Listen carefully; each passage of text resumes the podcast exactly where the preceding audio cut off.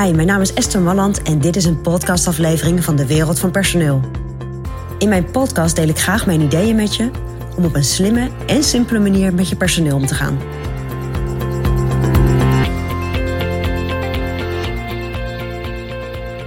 Ja, sturen op verlofdagen, dat klinkt een beetje raar.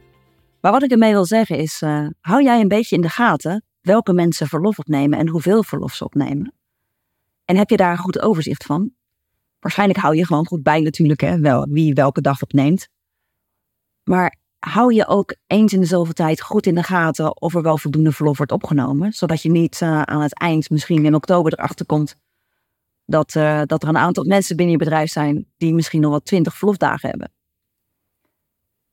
Want het is natuurlijk wel super fijn om te weten hoeveel verlof er opgenomen wordt. Dan hoef je dat niet te reserveren voor het volgende jaar. Maar zeker omdat nu heel goed bekend is bij medewerkers dat uh, verlof vervalt hè, na een half jaar.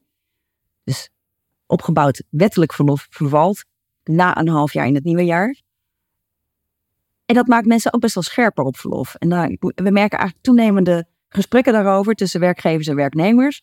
Over hoe zit dat nou met dat verlof. Dus zorg dat je daar goed zicht op houdt.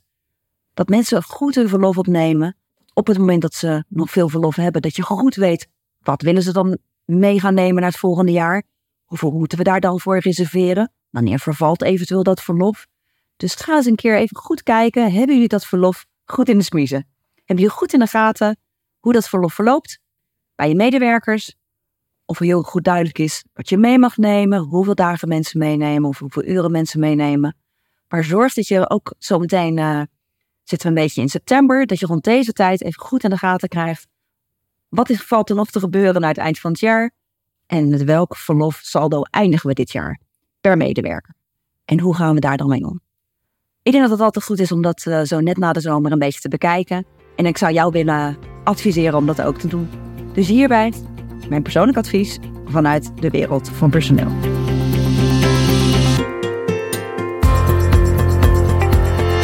Ja, vond je dit een interessant advies? Abonneer je dan op dit kanaal. En wil je nog meer van onze gratis adviezen? Ga dan naar www.dewereldvanpersoneel.nl forward slash gratis. En daar vind je nog veel meer informatie. Bedankt voor vandaag voor het luisteren en tot de volgende keer.